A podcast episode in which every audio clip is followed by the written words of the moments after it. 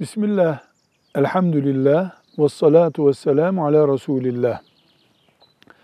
Estağfurullah ne demektir deniyor. Estağfurullah, Allah'tan mağfiretini isterim, affını isterim demektir. Rahat bir şekilde anlaşılıyor ki Müslüman bir hata yaptığı zaman hatasını itiraf etmek ve Allahu Teala'nın onu affetmesini talep etmek için estağfurullah, estağfurullah der. Bizim buna tövbe dememizde de bir sakınca yok ama tövbe muayyen bir şey için şu hatayı bıraktım demek için yapılan iştir. Estağfurullah Müslümanın Allah'tan mağfiret dilemesi, genel olarak affına sığınması demektir.